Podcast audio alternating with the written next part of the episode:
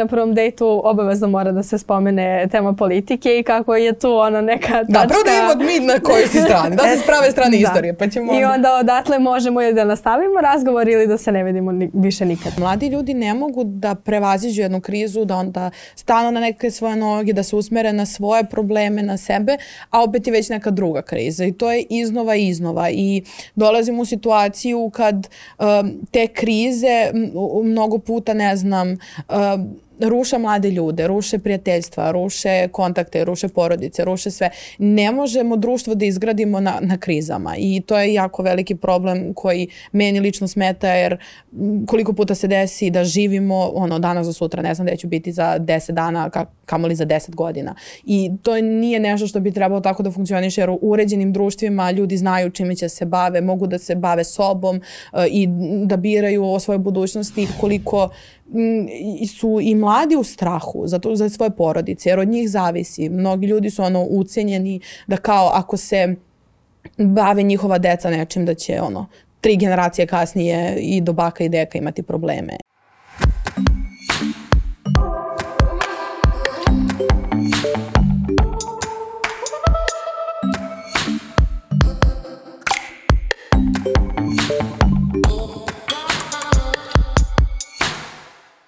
Dobar dan, dragi ljudi, dobrodošli u podcast Snaga Uma. Ovde smo da razgovaramo, da, da zajedno rastemo, da razmenjujemo iskustva e, i meni je neizmerno drago što ću e, danas ugostiti dve neverovatne mlade žene koje ja nazivam studentkinjama koje se bore protiv nasilja, e, koje su se nedavno vratile iz Brisela, koje su bile na čelu e, nedavnih protesta i ne samo nedavnih protesta, a koje su u tom nekom omladinskom aktivizmu veoma dugo, mnogo duže nego što mi znamo za njih. To su e, Emilija Milenković, studentkinja Fakulteta političkih nauka i Staša Cvetković, studentkinja arhitekture. I ono e, o čemu se radojem da razgovaramo jeste upravo taj neki e, ideološki put koji prolaze mladi ljudi danas. Dakle, kako se te političke ideje grade, kako se testiraju, kako se manifestuju i kako to danas izgleda. Jer moja generacija lično, kao što sam vam i rekla ranije, čini mi se da su nam nama društvene mreže došle u tom nekom periodu kad smo mi već više manje bili formirane ličnosti, a, a sa vama je tu, tu od početka, pa me generalno sve zanima. Za početak, dobro vi meni došle. Bolje vas našle, vas ste... Možemo, ne, možemo na ti, bić, bilo bi mi drago. Osjećat ću se vrlo lepo ako me ne budete persirale. Onda neću ni ja vama. E, prvo moram da vas pitam, vratila ste se iz Brisela. Dakle, kako je bilo, šta, šta ima u Briselu, kakvi su vam utisci? Ima svašta. Uglavnom, bilo je loše vreme. Da. Uh, to je najveći utisak. to je najveći utisak da smo mogla da vidimo Brisel toliko. Da. Ali da, mislim, u suštini Vi ste išli kojim povodom? Ajde da, da napravimo mali da. ud za, za, ljude, za ljude koji ne znaju. Pa, um, u suštini, ono, cela politička kriza sa kojom se suočavamo uh mhm. -huh. sada nas je dovela do toga da se mi borimo na ulicama, da imamo uh, borbu u institucijama, ali da se ništa ne dešava. I naš neki logičan sledeći korak je bio da se obratimo evropskim institucijama koje negde uvek šalju poruku da žele demokratiju, da žele uh, ono, Srbiju u Evropi i tako dalje. Pa smo jednostavno odlučili da vidimo da li smo mi na istom tragu ili nismo. Uh, I sastali smo se sa mnogim um, evroposlanicima, ljud, evropskim zvaničnicima u drugim evropskim institucijama i e, mislimo da će zbog toga da ova rezolucija koja treba da se izglasa 8. decembra, to je 8. februara da bude oštrija, ali smo takođe hteli da informišemo zvaničnike o hapšenjima studenta, o policijskoj brutalnosti, o zlopotrebi biometrijskih podataka, o targetiranju po tabloidima. Oni nisu toliko znali o tome i iznenadili su se, bilo im je čudno kako da se tako ono, ova vlast obhodi prema mladim ljudima i to je isto nešto što će najverovatnije se nađe u rezoluciji da, jednostavno stoji negde zabeleženo. E sada, kakvi su vaši utisci bili vi, koliko sam shvatila ste imala jedan onako dosta uh, iskreni uh, nastup, uh, dakle to, to, to je neko okruženje koje je naviklo na neki diplomatski jezik um, i, i na neki razgovor koji, koliko sam shvatila, teče u drugačijem toku, a vi ste tamo otišle kao što izađete i na ulicu da kažete to što mislite, šta ste vi zacrtale i kako je to, kako je to teklo? Pa mi smo sa protesta, ono, sutradan odmah otputovale i sa mm. ulice trebale da se nekako adaptiramo i da uđemo u neka fancy odela i da odemo tamo. I to je nama bilo, e, ja mislim da mi svim mladima jako zanimljivo, jer smo u neku ruku demistifikovali trenutan položaj Evropske unije i generalno taj evroskepticizam i to da li neko bira o našoj sudbini ili mi utičemo na našu sudbinu. I generalno i tamo kad smo otišli, kao što ste rekli, oni su očekivali sad neke diplomate, neku delegaciju. Stalno su pominjali kako dolazi delegacija studenta. Mi smo dolazile kao ovako u farmerkama i, maj, i džemperima u nadi da ćemo iskreno da razgovaramo s njima i baš ih i to iznenadilo i nekako su bili zatečeni i mislim da su bili, da smo bili mnogo neposredniji nego što su sa nekim drugima. Um, I deluje mi da, da će preduzeti neke korake koje, o kojima smo razgovarali. Da ono, to je bar meni ulilo neku sigurnost. Ja mislim da nikada nisu zapravo se susreli sa nekim um, i da su bili u fazonu ok, ovo što ja radim zapravo utiče na ove mm ljude koje ja gledam u oči sada. Dakle, shvatili su da njihove odluke utiču baš na nas, na, na mlade mm. ljude od 20-21 godine koji kao će ili da odu u zemlje Evropske unije, zemlje Evrope ili će zapravo da, da Srbija postane ta Evropa u kojoj mi možemo da živimo, a ne da se iseljavamo iz nje.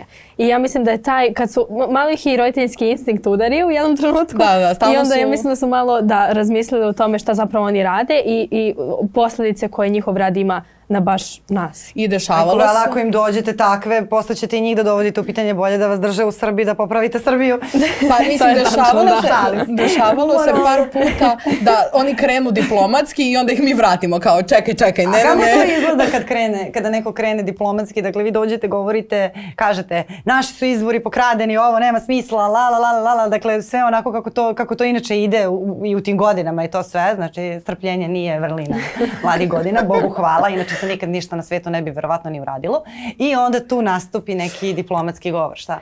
Pa znate kako, mi smo u procesu 2013. godine, ja, da, to je duži, su. moramo da ispoštujemo sve mehanizme, kroz sve institucije da prođe neki zahtev, mi smo izdali saopštenje, mi smo duboko zabrinuti, bla bla bla. Kao sve te birokratske stvari, ja sam u fazonu, meni to saopštenje ništa neće doneti konkretno, dajte mi neke konkretne korake koje ćete da preuzmete. Da, imali smo pitanja, ne znam, da li planirate da se registrujete, da se formalno osnažite kao da vas mi podržimo i mi kao ne, ljudi, kao mi hoćemo na ulici, mi nećemo da se registrujemo, nećemo ništa i onda oni onako stanu i kao, aha, znači vi mislite ozbiljno i mi kao da, da, znači mi smo došli ili ne znam, onda kreću da pričaju kako oni vrše pregovore sa našom vlasti, sa opozicijom, kako diskutuju, pa kao jesmo mi opozicija, mi kao ne i onda sad kao ne, ne, ne, mi smo sa ulice došli. Mi smo deca. Mi smo deca, imamo 21 godinu, da. studiramo, ali neki su i generalno m, imali tu znatiženu komunikaciju da znaju kako izgleda život studenta i onda smo i pričali o tome generalno. A, pa dobro to. A sad,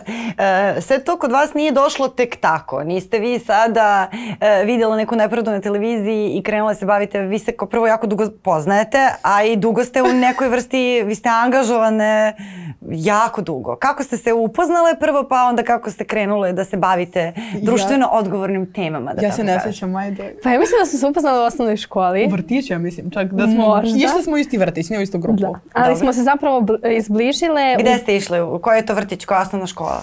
Ajde malo uh, lokal patriotizam. Uh, vrtić se zove Naše dete u Vranju, a osnovna škola je osnovna škola Vuk Karadžić um, i uh, zajedno smo išle znači, u osnovnu školu um, i družile se ono, redovno, pa smo krenule aktivistički da se bavimo u osnovnoj školi, pa onda u srednjoj išli smo u gimnaziju Bora Stanković, pa smo i tu, ali nekako nikad nismo bili u, u istom odeljenju. Nikad nismo bile, mi smo same birale da se družimo, znači na velikom odmoru posle časova, negde u, ono, kao u poslastičarnici ili nešto. Tako da, da, ovaj, baš nas vežu neke lepe uspomene. Ja sam zapravo krenula tako što sam uh, volontirala u Crnom krstu. Od sedmog razreda tad sam krenula da volontiram i to je ono, ta, tad sam baš radila na terenu, kao skapirala neke stvari, krenula se družim s ljudima da vidim ono koliko je tim važan za neke promene.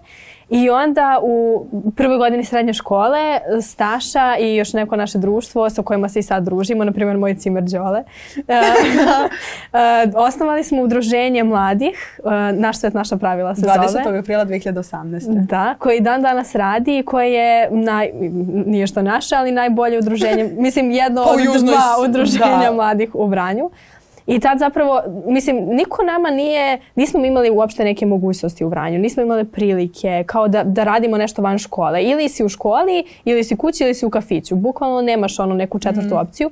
I mi više nismo htjeli da čekamo da nam bilo ko nismo htjeli da čekamo da nam bilo ko da neku priliku, same, sami smo krenuli da to radimo i tad smo imali jednu uh, malu kancelariju u gimnaziji preko puta ono slačionica, malu prostoriju koju smo, smo sami uredili. sami, da. Ono, stavili naše fotike, tu kao bili nešto ozbiljni, pisali neke projekte, smještali neke akcije, tu dolazili na ono veliki odmor. Da. I vremenom se to izrodilo stvarno ono udruženje koje sad već i malo ozbiljnije radi, ali smo i preko toga se povezali sa drugim organizacijama koje su nam pomogle da dođemo do ovde gde smo sada. Da, ali ja moram da kažem da sad kad se vratim nazad, sećam se svih tih starih ljudi. Mislim, ono, naših profesora koji su imali uvek razumevanja, uh, moje razredne koja je bila naša predsednica udruženja dok smo mi bili maloletni, jer uh, kad ste maloletni ne možete da registrujete udruženje, ne možete da potpisujete nikakve ugovore, ne možete ništa bukvalno.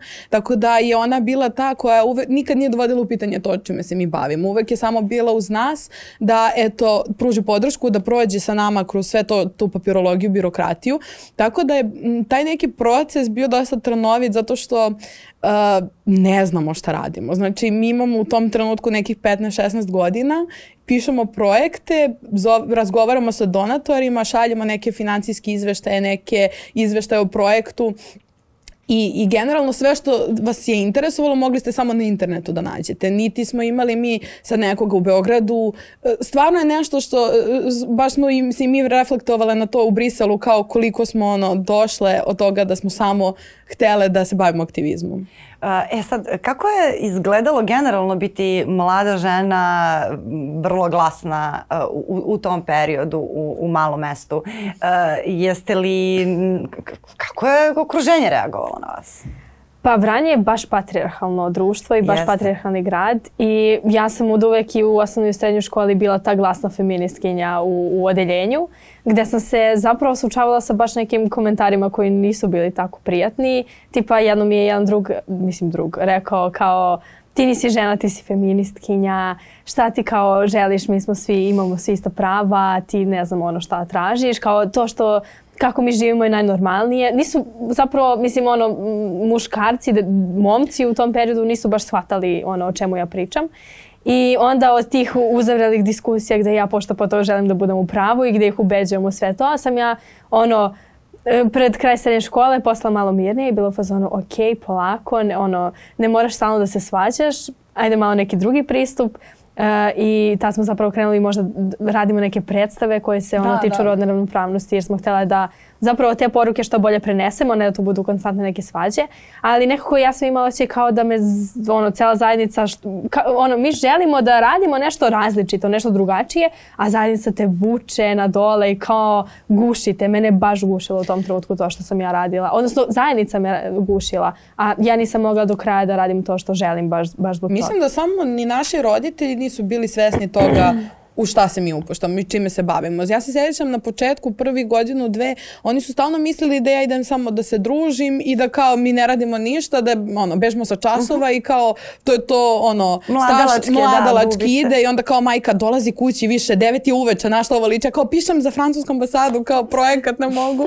Tako da, uh, sjećam se da, mislim da to bila i neka, m, ono, neki problem tadašnjice da ljudi nisu, mislim, nas su mešali ekonomiju i ekologiju. Pa pazite, to nije bilo toliko davno kad pogledate da ljudi mešaju ta dva pojma. A mi smo se prvenstveno bavili u tom trenutku ekologijom. Tako da, Uh, I nije samo pitanje ovaj, toga kako su se devojke osjećale. Isto je bilo važilo i za mladiće uh -huh. i to je neki problem gde mislim da ni odrasli nisu bili spremni da nas hvate ozbiljno i da mi dešavalo se odemo na neki sastanak u gradskoj upravi i sad mi se onako spremili kao sad ćemo da vam predstavimo naš projekat, da hoćemo nešto da radimo i onda oni onako sednu i kao uh, izvolite kao šta vas ide, šta, šta hoćete. I mi da. kao sad, pa nemojte tako da pričate, ajdemo lepo.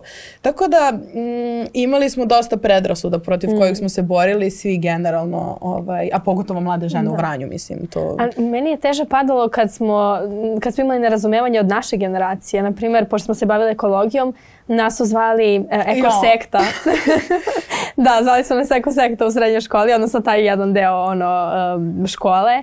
I onda meni je to teže padalo, jer kao kako moja generacija ne, ne razume da se mi bavimo nekim problemima koji na njih direktno utiču. Da. A sa druge strane taj džizam od odraslih ljudi, koje kao nisam se ja mnogo opterećivala time jer znam kakvi su ljudi u Vranju i da su stvarno ono tradicionalni i konzervativni, ali to ono, mi odemo u, u ne znam, kod knjigovođe ili tako nešto i nas gledaju kao, deca, što ste vi došli? Kao bukvalno, da.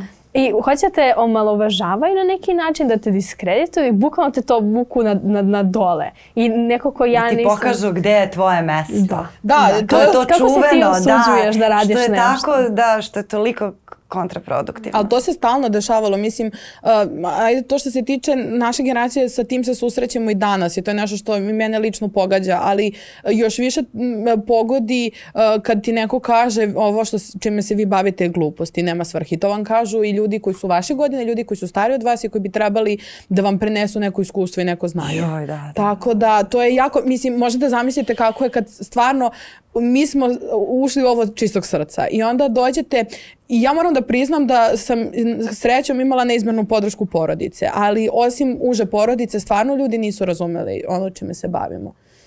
Ali to je ono što sam rekla tebi juče za, za, za, za aktivizam. To je tako nepristojno reći nekome ko se bori uh, za sve druge. E, da ta borba nema smisla. Jer kod aktivizma mi imamo kao taj nek, tu neku potrebu za nagradom, da kažemo ok, ovaj cilj smo ostvarili, ali ono što se ne vidi i što ti niko ne kaže je koliko ste vi zla sprečile, e, koliko je možda bahatih porođaja sprečeno samo zbog toga što su neke žene mm -hmm. stajale e, na snegu, što je Marica podigla svoj glas i mi ne možemo da znamo koliko je beba živo i zdravo rođeno samo zahvaljujući njima tog dana. I njima niko neće doći i reći na kraju kraju tog protesta, e, vi ste spasile ove mhm. živote. Mm. I nikada neće e, niko da, da vam dođe da vam kaže ovo je ono što ste sprečila, ovo je ono što ste sačuvala. Jer e, poenta protesta i tog aktivizma građanskog i, i svega što, što, što, što radite i vi, zbog čega se mi svaki put naježimo kada vas vidimo, jeste da je to ta neka društvena higijena koja, da, u, u, u društvima koja su u problemu,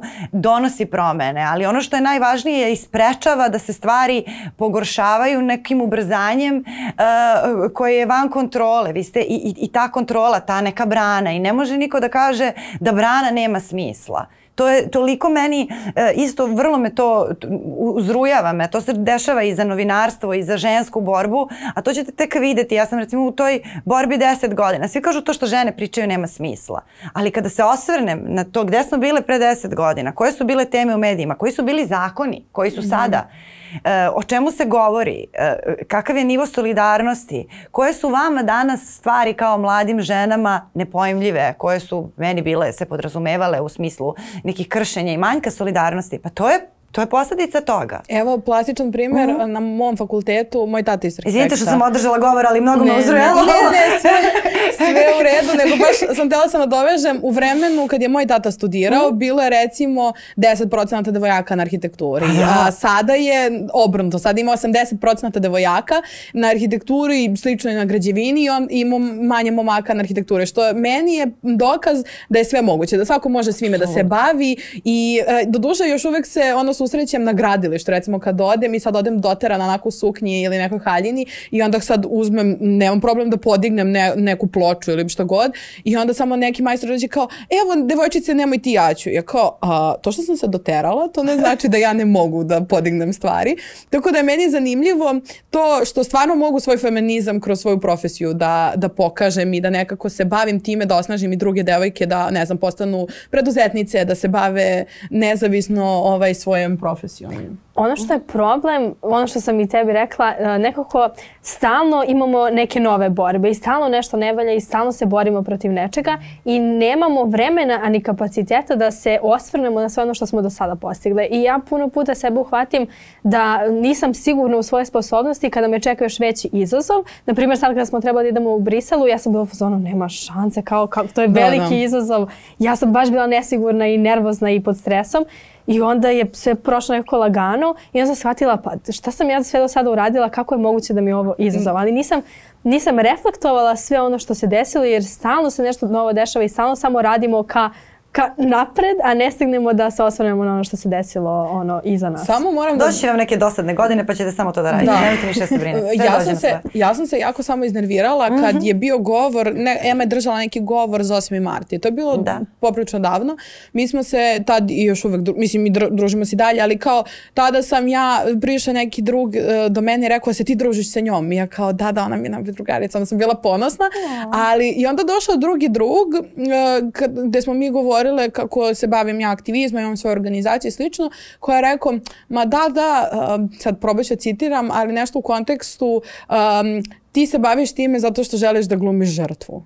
I onda sam ja stala i rekla, prvo ne pokušam od sebe napravim žrtvu, apsolutno, samo sam tu zato što neko mora da bude tampon zona i ljudi ne znaju koliko je teško biti između dve vatre i pokušati da nađeš kontakt između dva sveta i da sve to funkcioniše. I onda sam ja stala i o, prvi put u životu ja mislim da sa tih 19 godina sam ostala bez teksta i kako vi odgovoriti čovjeku koji kaže vi se bavite aktivizmom jer hoćete da budete žrtve. I to, to je bio prvi put, ali sam imala jako sličan komentar i kad su krenuli ovi protesti, tačnije negdje u decembru kad sam bila na foru.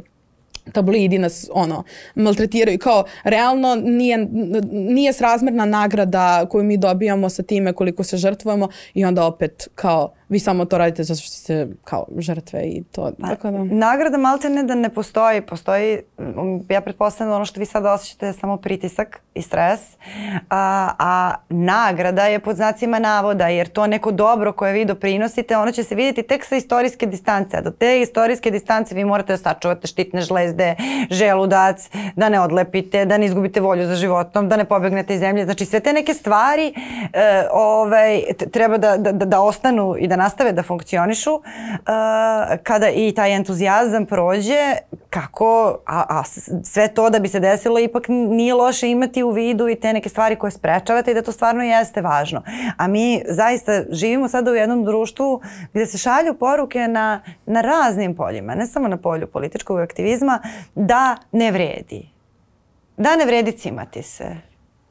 Šta god da, je. jesi nastavnica u osnovnoj školi koja predaje likovno i rešila je da ajde da sada da učini to, taj čas kreativnim za tu decu da se igramo, ma ne vredi cimati se, oni će samo gledati u svoje telefone. Znači šta god da uhvatiš, ako nađeš jednu osobu sa entuzijazmom, naći ćeš deset koje ti govore da, da ne vredi. A sad mene zanima kako se vi nosite sa, sa tim, zato što znam koliko je moje generaciji teško da se nosi sa tim i znam koliko ljudi klone uh, ovaj, baš pod tim pritiskom. Pa to su uglavnom stari ljudi Pa da, realno koji je nam to umor, pričaju. verovatno. Ja se nekako ne obaziram na vidjet to. ćete jednog dana gdje ovaj, kao da šta ćemo Pa, mi za to da, vidimo. mislim, ja Kad te iskreno- život porazi. Nešto kad ti kolena poraze. Da. Kad te sve porazi. ja imam neku možda moralnu satisfakciju, odnosno ne satisfakciju, nego moralnu obavezu. I kao, ja ne mogu da budem nema pred nekom nepravdom. Jer meni će da bude mnogo teže ako ćutim i sedim kući, nego ako izađem i ako se opet ništa ne desi. Nekako, kad izmerim ta dva, bolje da izađem pa kako god. Ja znam da sam nešto uradila što je do mene. A sa druge strane, to, sam, to smo baš i, i juče pričale, kao e, stare generacije i, i naši roditelji su bili ti, ta generacija koja se borila na ulici ono, od 90-ih i 5. oktobra i onda ta promjena se nije baš desila onako kako su oni to hteli, desilo se to razočarenje a, koje su oni preno, preneli na nas i bili su u fazonu, eto mi smo se borili, pa se opet ništa nije desilo, nemojte vi da se borite, vi obezbedite sebe, gledajte da va- vama bude bolje, pa ako treba i ocelite se iz zemlje, samo da eto vi, da se vi osigurate. I onda ono, delom to prihvatiš kada odrastaš uz takav narativ i zato to je možda jedna od posljedica zašto mi imamo malo pasivnu generaciju koja ne, ne veruje u promene. Zapravo to negdje dolazi iz te, te prethodne generacije koja je verovala, a nije dobila, a nije nastavila da se Dakle, bori. u suštini ista ta generacija koja mladim ljudima e, zamera što nisu dovoljno angažovani, u stvari generacija koja je odgajila te mlade ljude da borba nema svrhu i da treba gledati svoj taj mikrosvet, mikrobubble, Uh, kako jedna, se zove. jedan dobar komentar koji sam čula od jednog čoveka nakon protesta, tako kad se završe protesti pa i da odemo i na kafu, jeste da kao kad su ga pitali što on ide na proteste, zašto ne prihvati ovako kako jeste, zašto ne izvuče neku korist kad mu se pruži prilika, rekao je zato što ja imam jedno veliko ogledalo u dnevnoj sobi. Svaki jutro kad prođem, kad krenem na posao, prođem pored njega, pogledam se, znam da radim pravu stvar svaki dan. Tako da to je meni ono ostalo urezano, ja mislim od kad je prošlo dosta vremena od tada i um, stalno ponavljam to ljudima. Kao kad se pogledate u ogledalo, to što ja rekla, znam da sam dala sve od sebe na kraju dana. A sada kada govorimo o, o tom nekom uh, interesovanju za, za politiku kod mladih ljudi uh, i, i o nekoj možda ideološkoj usmerenosti mladih ljudi, kakva je tu situacija?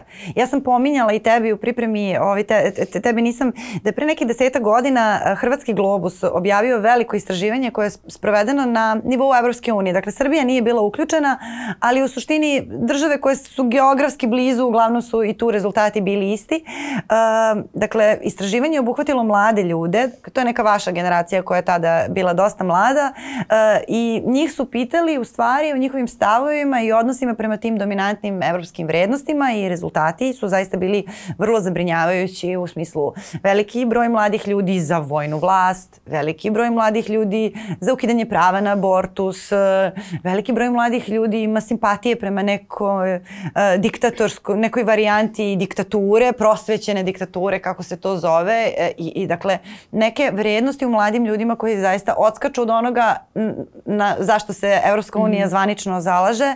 Pa me sad zanima kakav je vaš utisak? Vi ste baš na različitim fakultetima, ti si na FPN-u, to je političko jezgro. Ove, de, de, de politička mlada nada ode da, da, da izgubi svaku nadu. Sam kao moram. Žalim se. a, a ti si opet na arhitekturi gde je, vi ste kreativci na nekom drugom pravcu, pa kakav, kakvi su vam utjeci što se toga tiče? Pa ja mislim da je pre svega uh, m, taj sindrom žrtve koju mi imamo u Srbiji, gde se nama od malena pričalo kako smo eto mi uvek bili žrtve, uvek je neko bio protiv nas i istok i zapad, svi, svi su protiv nas, mi smo jedini ono nebeski narod koji je jedini ono ostao da se brani sam i onda iz tog narativa da smo mi žrtve, mi normalno tražimo neku zaštitu i tražimo da nas neko spasi od neke lažne krize uglavnom. I to se preliva u taj narativ da je nama potreban jak i čvrst lider i vođa, gde imamo te autoritarne tendencije koje prihvatamo od malih nogu i plus kada dodamo patriarchalno Neka društvo. Neka harizmatska ličnost, kao sad da gledamo. Neko Tako kome da lupi šakom sto. Mm. Plus kada dodamo to patriarchalno društvo u kome smo svi odrasli gde je otac glava kuće i porodice, normalno je da uvek treba da se nađe taj neki jak vođa i lider tu idu, idu te autoritarne tendencije, sa druge strane političke krize od uvek nekako taj malo desničarski narativ pojačavaju, a taj ekstremni desničarski narativ je izuzetno lak, uh, lako primljiv uh, i eksplozivan kod mlađe generacije koja nije koja nije politički pismena. I onda mi sa 15-16 godina prihvatamo vrlo lako ono desničarski narativ, ali kada malo shvatimo društveni kontekst, politički kontekst, to se možda godinama malo izniveliše i onda ili, ili su mladi skroz politički neutralni, to, to ih ne interesuje, ili su to možda neki u centru, malo desno ili malo levo. Imamo oba pola kada, kada su u pitanju ljudi, mladi ljudi koji su na ideološkim pozicijama. Um, kod mene na fakultetu je, sad želim da kažem da um, se neguje kultura političke pismenosti trenutno i generalno, evo ja sam treća godina, koliko sam dugo na fakultetu, stalno se negovala ta, taj dijalog, ti razgovori, ali sam imala par neprijatnih situacija na fakultetu koji su mi stvarno pokazali da i dalje postoje i tamo ljudi koji m, mm, i nemaju političku pismenost ili uh, radi iz nešto iz lična koristi, ali mislim da je to A u svakoj struci. Kako to izgleda u praksi na fakultetu? Pa e, recimo e, mi kao umetnički e, fakultet, odnosno kao fakultet koji ima jako politehničku osnovu i umetničku, um, imamo tu malu slobodu da ne znam, možemo da se oblačimo drugačije, da neki nas vide kao frikove, uvek u zgradi smo mi lako prepoznatljivi s maketama i na časovima se dosta puta dešavalo i dok su bili ovi protesti i meni i drugima da ne znam, diskutujemo o politici, diskutujemo o književnosti, diskutujemo o, o nekim problemima problemima kulturološkim, recimo muzici, šta se dešava sad u muzici uh, i, i sličnim stvarima. Mi smo čak bili prvi fakultet koji je prošle godine u martu pokrenuo proteste zbog školarine. Uh, ja sam bila u parlamentu Sećam i ja da. sam pokrenula zajedno sa ostatkom uh, kolega sa drugih godina i uh, sad kad se vratim na to, uh, mislim da smo uradili dosta dobrih stvari, da smo nekako podigli to neko, tu neki, taj neki moral i Dobre. recimo političku pismenost, da su ljudi malo krenuli više da istražuju, ali ja sam jako razočarana, evo prvi put ću iskreno da kažem, što smo, nismo naišli na veliko razumevanje profesora. E, moram da kažem čast izuzecima ljudima koji staju i priđu sa strane i prože ruku i kažu svaka čast ali ja nisam doživela neke prijatne situacije od strane nekih profesora, baš naprotiv neke jako neprijatne situacije. Poput?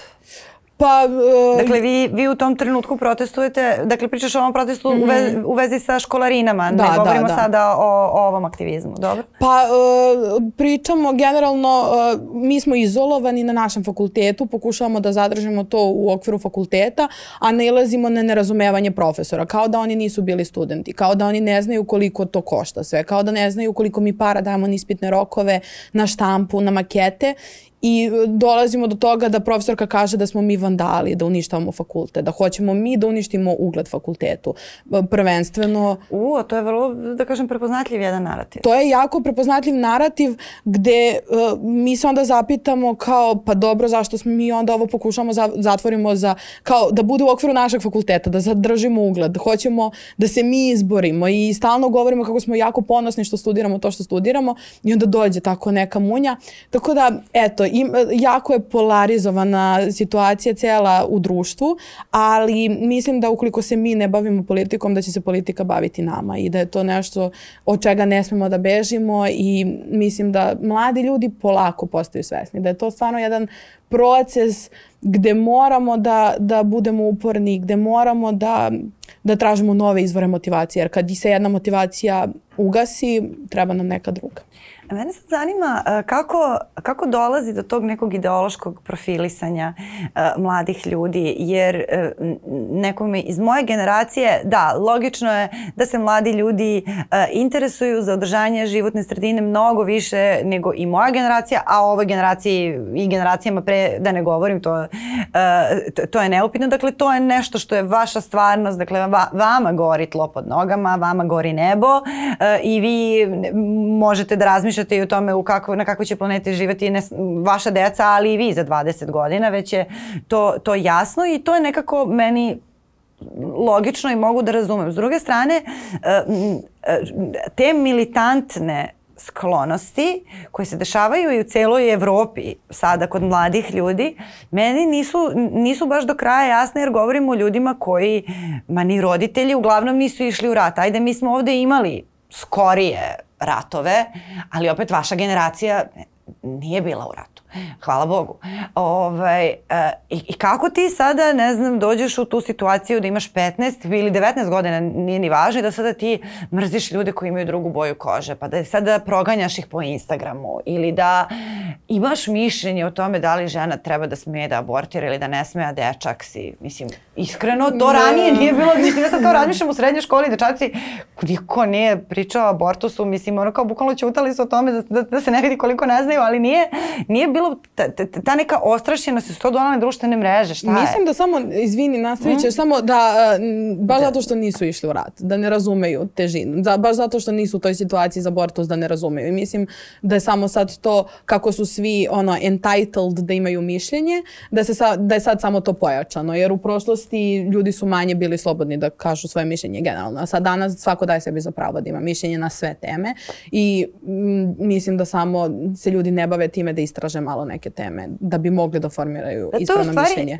Nije čak ni stvar slobode, stvar je podsticanja, jer tebi ranije, isto tebi niko nije da, branio da ti razmišljaš o penicilinu, ali e, nisi imao tu taj pritisak da se ti sada izjašnjavaš o da. penicilinu, a nemaš pojma o tome, baviš se, ne znam, zemljoradnjom ili, ili no. si računovođa ili si šta god, a nekako moguće da stvarno su društvene mreže te koje tebe guraju u neke rasprave i traže ti mišljenje na teme koje u stvari nisu tvoje i sasvim je legitimno da da, da, da nemaš svoje neko autentično. Jer to taj, mm. jer to taj moment? Pa ja mislim da su mladi mnogo više osjetljiviji na globalne teme. Kad mm -hmm. si mhm. pomenula ekologiju, to je globalna tema i to je nešto što se kontinuirano promoviše na Instagramu na Instagramu, na društvenim mrežama. Da, da, to mi je I jasno. mladi, mladi Mhm. se vežu za te teme. Takođe abortus, takođe, ne znam, penicilin, vakcini i tako dalje. LGBT, I- rasna pripadnost, sve.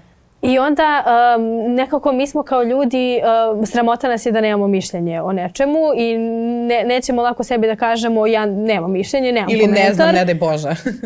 ono, uglavnom ćemo damo neko mišljenje kako god bilo, samo da se pravimo pametni i da, da se čini da znamo o čemu pričamo. Sa druge strane, nešto što je karakteristično za nas jeste nepoverenje u institucije. Mladi baš nemaju pover, ne, poverenje u institucije, a e, prema, na primjer, alternativnom izveštaju KOMSA, dve institucije u koje mladi imaju najviše poverenje jeste vojska i crkva.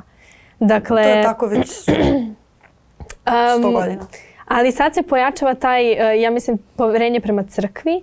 Um, u školi, uh, ono, u osnovnim školama mnogo više deca uči veronauku, iako su to izborni predmeti, opet se više opredeljuju za veronauku, vraća se nekako taj... Mi nismo negde bile, bili ta ja, sam, generacija. ja jesam. Ja moram da priznam da su moji roditelji jako religiozni, pobožni i ja sam odrasla sa velikim poverenjem u crkvu i baš e, ja razumem njeno nepoverenje i nekako nerazumevanje, ali kao neko ko je odrastao u takvom društvu gde su se negovale vrednosti ljubavi i poštovanja, gde e, poštovanja roditelja ili poštovanja međusobnog, znači moji roditelji su mene poštovali uvek i moje ono pravo na izbor.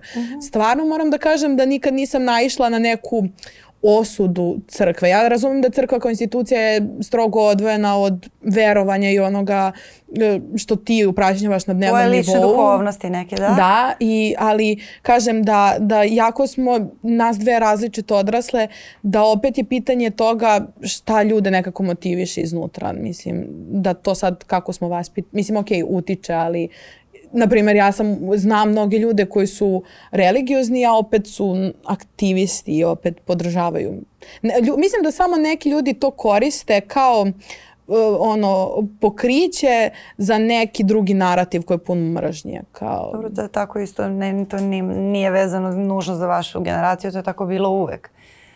Mislim, to je tako stvarno bilo uvek, jer nigde, mislim, nigde ni u jednom veroučenju nećeš videti da... da, da samo ljudi tu- pokušavaju da interpretiraju to malo pogrešno, ali to meni Pa, mladi lako um, prihvataju narativ od roditelja. Vrlo lako, pogotovo ako je neki ekstremistički, ako je eksplozivan, ako je ono, meni otac um, ono, ima vrlo desne stavove i ako ono, je u fazonu kad se vojska na Kosovo vrati i tako Da, da. dalje. Ako sam ja sin, na primjer, mada i čerka, nema tu neke veze i ja ću vjerovatno da budem taj koji je crta grafite kad se vojska na Kosovo vrati, na primjer. I imamo stalno iz medija taj narativ gde o, kad god je neka politička kriza mi imamo pretnju uvođenja obaveznog vojnog roka. Stvarno se igra se sa emocijama mladih ljudi na taj I način. kakve su, kakve su emocije kada se to desi u vašoj generaciji?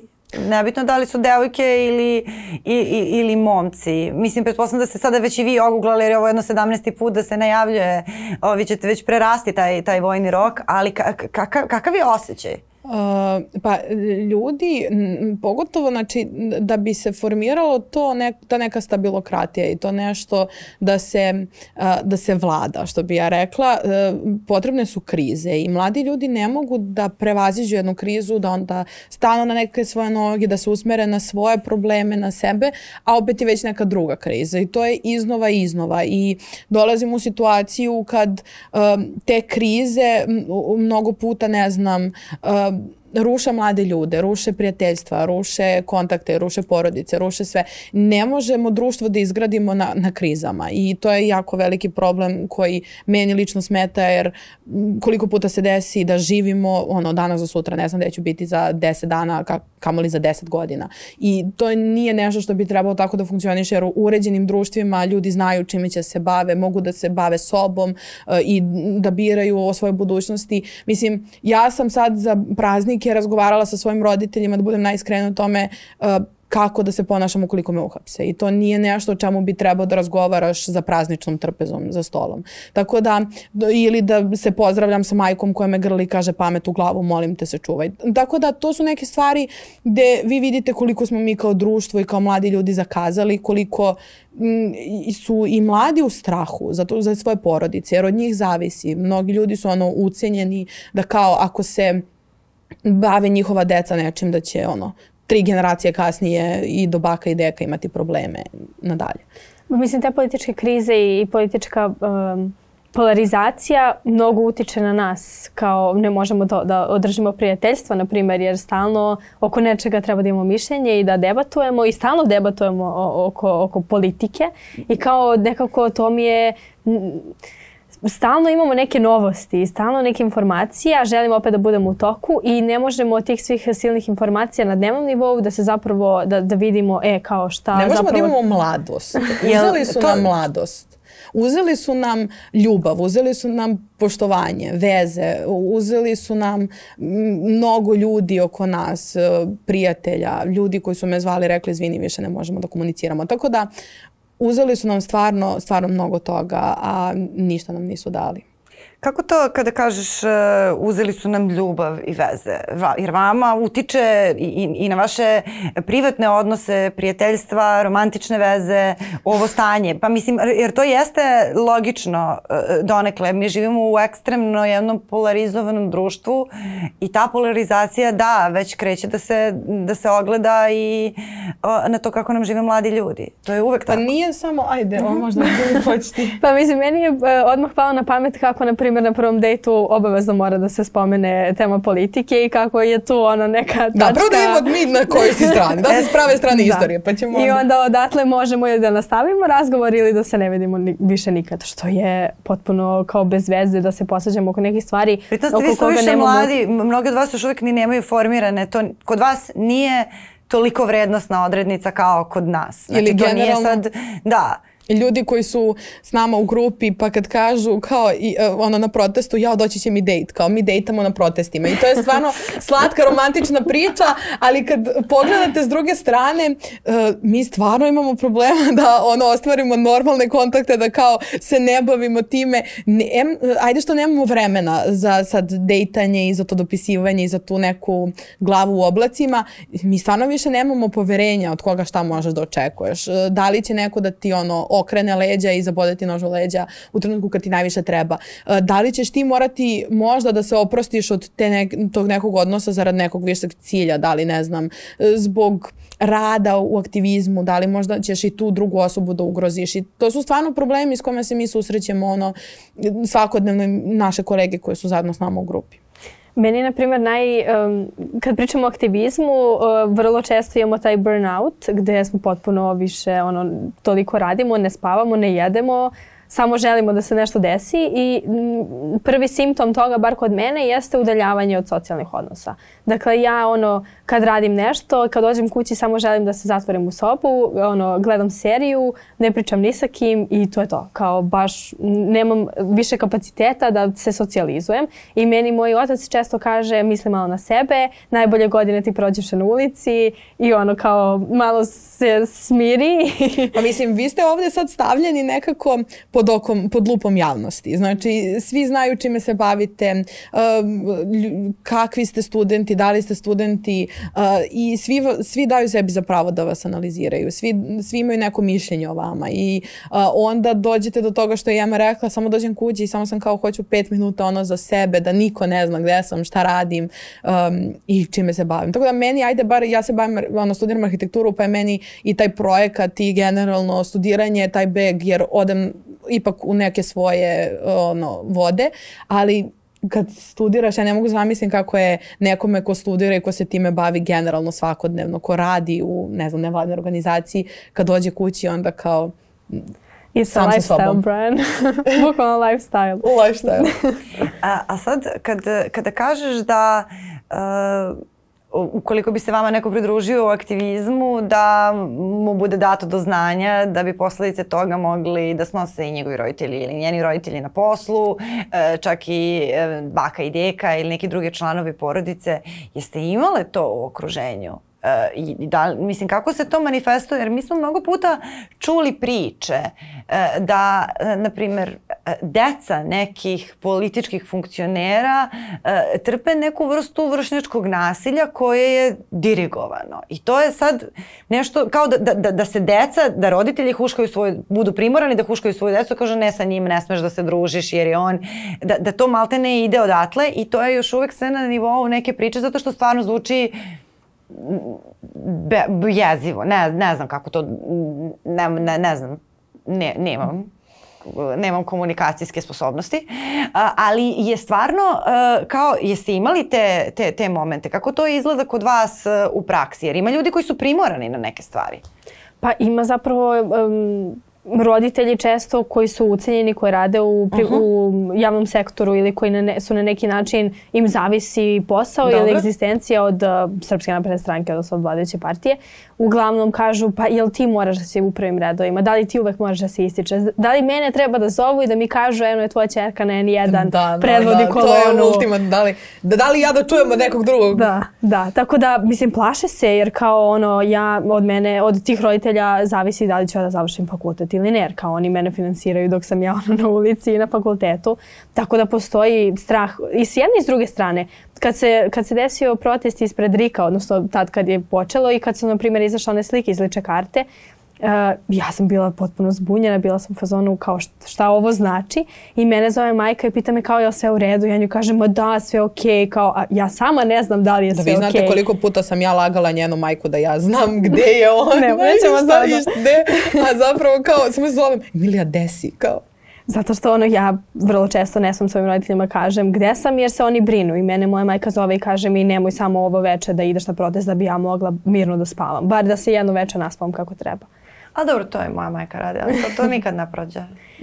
ali to, postoji ta briga za dete, a sa mm. druge strane postoji briga da će, da ostanu, da će roditelji da, moji da. da ostanu bez posla, jer ja držim govor na nekom protestu ili no. vrlo je to sve povezano, pogotovo u jednoj maloj sredini gde se svi znaju, gde svi znaju čija sam ja čerka i gde moji roditelji rade i na koji način oni potencijalno mogu da ih ucenjuju. Pa jesu imali vaši roditelji konkretno do sada problema, nekih konkretnih, ne mislim sada na onu roditeljsku brigu koja je u opisu posla roditelja i koja će, mislim... Moj otac je radio u državnoj firmi uh -huh. do pre, sad ću slagati, 5-6 godina, kada je mu je ono došlo preko glave, dao otkaz i krenuo privatno da radi. Tako da i on je bio pod pritiskom i moja majka je pod pritiskom, ali mislim da su oni izuzetno jaki ljudi koji znaju kako to, to iznesu i kako da se bore protiv toga i da stvarno moramo da imamo jak želudac ukoliko se bavimo ovim. Tako da oni su jedni od redkih koji znaju kako da, da funkcionišu. Znači na... ne stavljaju taj teret na tebe? Ne, ne stavljaju nikako ni pritisak na mene i još mi kažu samo cepaj, samo idi ti gazi, mi smo sve ok. Kao sve smo ok, ako treba znaći ćemo se mi, ne, nemoj da se osvrćeš na nas i to mi jako znači da, da kao znam da imam nekog. Uh, ali još se nešto... Pa imali smo primjera u grupi gde Jesi ljudi... imala ti sličan to, to ja, iskustvo? Ja nisam za sada, ono, hvala Bogu, ali znam dosta ljudi zapravo iz naše grupe koji mhm. su odustali od, od generalno ono, borbe na ulici jer imaju na taj način porodičan problem. U porodici, da, da, imaju baš problema da, ne znam, neki od njihovih bližih članova porodice su neistomišljenici i onda ulaze i u otvorene konflikte sa njima i to je jako teško. S druge strane, ja ne mogu da opravdam ljude i mlade koji su dali srednjoškolci, manje više, ali koji su studenti, koji biraju da uzimaju korist od trenutnog položaja, od trenutne vlasti, koji nisu ni na koji način ucenjeni, nego koji svesno žele, to je problem i kod nas studenta trenutno na našem univerzitetu, da ljudi svesno biraju da budu na toj strani i, i meni je to samo nepojmljivo kao Taj uticaj polarizacije političke na društvo je baš ogroman i meni je strašno što čujem da to utiče i na mlade, mada je logično, ali to se dešava i ovde u redakciji. Vi ovde u redakciji, sad pored koje ste prošli, imate ljude uh, koji u svojoj porodici imaju, ne znam, baku ili deku, koji vole najviše na svetu, koji veruju u te neke stvari koje, koje čuju i, i koji kažu ovi sa nove S, a to je u njegov uruk. Da. Znači, i, i kao, ka, ka, kako se to, uh, to, to je strašno nezgodno, recimo i, i, i nama novinarima koji smo odrasli, sve to super, niko nas tu više ne izdržava i sve, ali da ti doživiš da, ne znam sada, kao bukvalno kada su ti roditelji stari, da ne govorim kad imaš ono, u nekim odraslim godinama žive babo i da tebi je svaki dan poklon i ti onda te, taj dan sada treba da trošiš na to što, što ćeš da objašnjavaš članovima svoje porodice, da sve to što ih je uzrujalo na televiziji, što su oni čuli o tebi, o tvojoj kući, ne da nije tačno, nego veze nema sa životom. I to stvarno u, u nekim slučajevima se završi na uznemirujućem razgovoru e, nakon kog e, se porodica vrati u, taj ne, u tu neku harmoniju, a nekada stvarno dođe i do toga da neko neće da govori sa, sa to stvarno rastura porodice. Mislim, to je baš e, nekako... Mi imamo te primere o kojima mm. ja sad ne bih govorila jer mislim da nismo ovaj, prvo tu sada pričamo o tim da. primerima, ali mi znamo te primere. Ja znam te ljude koji imaju takav vid problema. Ja, da. Samo kao eto ne bi da pričamo o tome, ali nešto što je najmudrije, što je moja baka od 70 i kusur godina, skoro 80 rekla meni ikad jeste, posle celog dana mog pokušaja da ja njoj objasnim zašto ova vlast nije dobra i šta se sve dešava, ona koja mi kaže ja tebe sine ništa ne razumem, ali ja ću tebe da verujem i šta god da mi kažeš, to je bilo recimo za izbore, ja ću tebe da poslušam. Ti si mlada, ti bolje razumeš od mene, još pratiš uh, Instagram i društvene mreže ili YouTube je rekli društvene mreže, ja ću tebe da poslušam. I to je iskreno meni najveća pohvala. Ona se to, trudila da razume, nije uspela i rekla ja ću tebe da poslušam jer ipak ovo je tvoj svet i ti živiš u njemu. To je moj pokojni deka isto. Ovo je tvoj svet i bukvalno su me pitali za, za, za, koga, da, za koga da glase, ali mogu, sad moram da, da ubacim jednu digresiju taj uticaj na, na starije ljude. Kad je bilo evropsko prvenstvo u košarci, I mi sada igramo, ja dolazim kod bake i deke, vidim baka nije nešto, ona otišla u svoju sobu i ugašen je televizor, rekao, bako, jer gledaš? Ona kaže, ne mogu očima da ga vidim. Rekao, pa koga babo? Vučića. Kaže, kao baba košarka, pojavit će se on. I onda sam ja shvatila da oni, ne znam, imaju te neke svoje serije, neke te rituale i na tim televizijama sa nacionalnom frekvencijom, ona tamo sedi da gleda seriju, ovaj tamo da se poljube, ovaj iskoči. I znači, oni, oni imaju neki totalno drugi svet koji, koji, ko, ko, znači neke potpuno druge stvari koje njih tu uznemiravaju i koje treba, ali žena bukvalno ima posttraumatski od televizije. Mm. Kao, to je toliko, mislim, i simpatično, ali jeste tužno jer treba da pričamo o tome. To stvarno utiče, više manje, vrlo je malo porodica koje nemaju ta, ta nekako mešanja zbog, zbog ove polarizacije. Ja sam pričala sa nekim mm. drugarima iz inostranstva i kao oni su bili u fazonu vi na svakodnevnom nivou imate neke drame i neke skandale da, političke. Da. Nama je ono najveći skandal bio kad je, ne znam, se ono, neki političar ženio od 20 godina mlađom ono, devojkom i kao ono, mm. molim, to kod nas prođe ovako. kod nas se ne bude vest. Bukvalno. I kao mm. tolika, toliki konzumerizam svakodnevnih vesti da je to skroz preokupira ceo tvoj život, da ti više nemaš kapaciteta bilo čime da se baviš sa strane baš u svakoj pori društva uđe ta politička polarizacija, politika generalno, ali ta politika gde se mi bavimo ono individualnim ljudima i da se bavimo ono ne znam stvarima koje su toliko na političkoj margini. Trebalo bi da budu na mm. političkoj margini, a ovde su zapravo u centru Ali to je nešto što su nam rekli u Briselu. E, mi odemo tamo i kao sad ok, pune lana na nedelju dana i onda su oni rekli e, kao dobro vi morate nama stalno da pišete, da nas izveštavate zato što uvek dođe neka nova kriza koja potkopa i taj, to je taj konzumerizam gde nijedna vest ne traje duže od tri dana. Nijedna, ni o čemu se se ne govori duže od tri dana i to je jako veliki problem gde kad imate ne, nešto na što hoćete da stavite akcent, vi jednostavno ne možete. Vi objavite, ok, vest, objavite tri vesti, ali to već posle... Nemamo istrajnost, nemamo u tim nekim ciljevima. Stalno se pojavljuju novi ciljevi i novi problemi. Da, to je neki kao društveni poremećaj pažnje kolektivni od kog patimo i nikako da izađemo. I sada, kako privodimo razgovor kraju, uh, naravno da ne bih ovaj razgovor uh, dozvolila sebi da završimo, da se ne osvrnemo na vaše kolege koji su na ovaj ili onaj način još uvek lišeni slobode od tih protesta još, još od izbora. To je, ako sam te dobro razumela, njih deset još uvek, što u kućnim pritvorima, što u, u tom nekom predistražnom postupku, ako se to dobro zo, ako se Istražno, to dobro... Podistražno. Da, da, da, šta da, god. Da. Ovaj, kako, ka, kako na tom polju uh, vi održavate svoj moral i naravno da će vam roditelji za praznike govoriti šta da radite uh, ako budete, ako budete uhapšene. Mislim, to je, to, to je nešto što je realnost, mislim, desilo se. Dakle, to nije neka sad anksioznost neopravdana.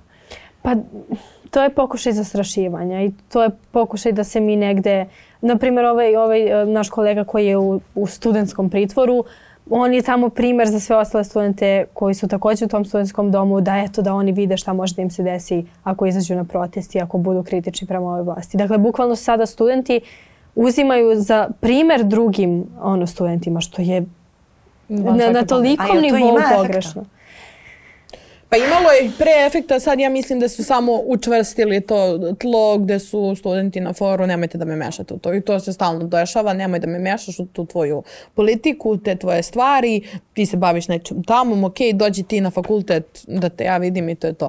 I to je jako veliki problem jer uh, mi smo doduše u komunikaciji s njihovim pravnim timovima, s pravnicima, advokatima, um, čak smo imali zahtev u Briselu da se prate njihovi sudski postupci, da to ne bi sad bilo skrenulo neku pogrešnu stranu i u krajnost. Um, i planiramo da, posetili smo ih jednom, planiramo još koji put jer stvarno mislimo da je bitno da im damo tu podršku um, i to je nešto što bismo i mi želeli, ali stvarno uspeva to i to je žalostno. Kod jedne grupe studenta uspeva, ali druga grupa mislim da je još više ono iznervirana tim postupkom. Kao da se ljudi od 17, 18, 19, 20 godina uh, terete za kr nasilno kršenje uslovnog poredka. To je toliko van svake pameti da kao neki ljudi su stvarno izrevoltirani time i još više ih je to postaklo da izađu na ulicu. Opet ta, imamo dva ekstrema. Opet o, ništa nije crno i belo. Mislim, dobro, jeste, ali kao postoji ta neka taj neko mm. s jedne strane i s druge strane Ja sada moram da vas pitam, kratko da vas pitam, zato što e, ne, ne, ne bih smela iz ove pozicije moje generacije da dam neki savet, jer mi svi polako klizimo u tu neku apatiju. E, to je neki dominantan osjećaj koji imam kada razgovaram sa ljudima koji su, koji su mojih godina. Da, uvek tu postoje neki pojedinci, ali to su pojedinci. Kao kolektiv smo više u apatiji nego što nismo. Imate li vi neki plan kako da uh, zadržite tu svoju motivaciju, svoju rešenost i da ne sagorite kao što smo svi mi pre vas na neki način izgubili tu volju? Jer to je jedna krivina za koju znate da dolazi. Mislim, sad već možete da kažete da znate da, da u nekom trenutku će se dogoditi ili zamor materijala, ne, ne, ne sada možda za te studentske proteste, nego generalno da li ste, da li ste o tome razmišljali? Pa meni je uvek važno da ne budemo važni mi kao pojedinci, kao individue, jer mi ćemo da pregorimo, ali važno je da ideja ostane, da živi. I važno I je sistem da, i... Odnosno, ono što... ideja i cilj koji želimo da postignemo. I generalno, to, to je ono najvažnije, da što više pričamo o problemima, ali sa druge strane da pričamo o ideji, o ideji koju svi imamo i da se zajedno okupimo oko te jedne ideje. Jer to je, mislim, pričamo sa studentima, objašnjamo im stvari, politička ono, e, e, edukacija i pismenost je na nuli i to želimo da, da podignemo na viši nivo i to je ono, bukvalno da, da pričamo jedni sa drugim. Pa mislim kad krenemo od te edukacije, od toga da neumorno pričamo s našim vršnjacima, ostaje ono što je nekako meni, e, verujem i Emi, na kraju da nemamo, nemamo alternativu, nemamo ništa nazad. Ako ne mi, ko onda i ako ne mladi Ako ne sada, kada? Kao... E pa žene, drage, mnogo vam hvala na razgovoru i ovaj, stvarno zato sam vas i pitala, zato što je odavno i nama došlo vreme da, da učimo od mladih ljudi. Uh, tako da, eto, želim vam mnogo sreće i želim vam da, da, da, da se sačuvate u, u cijeloj toj borbi i da samo rastete kroz, kroz tu borbu, a nadam se da ćemo se videti ponovo. Hvala tebi na pozivu. Hvala puno. Hvala i vama, tu smo i sledećeg ponedjeljka.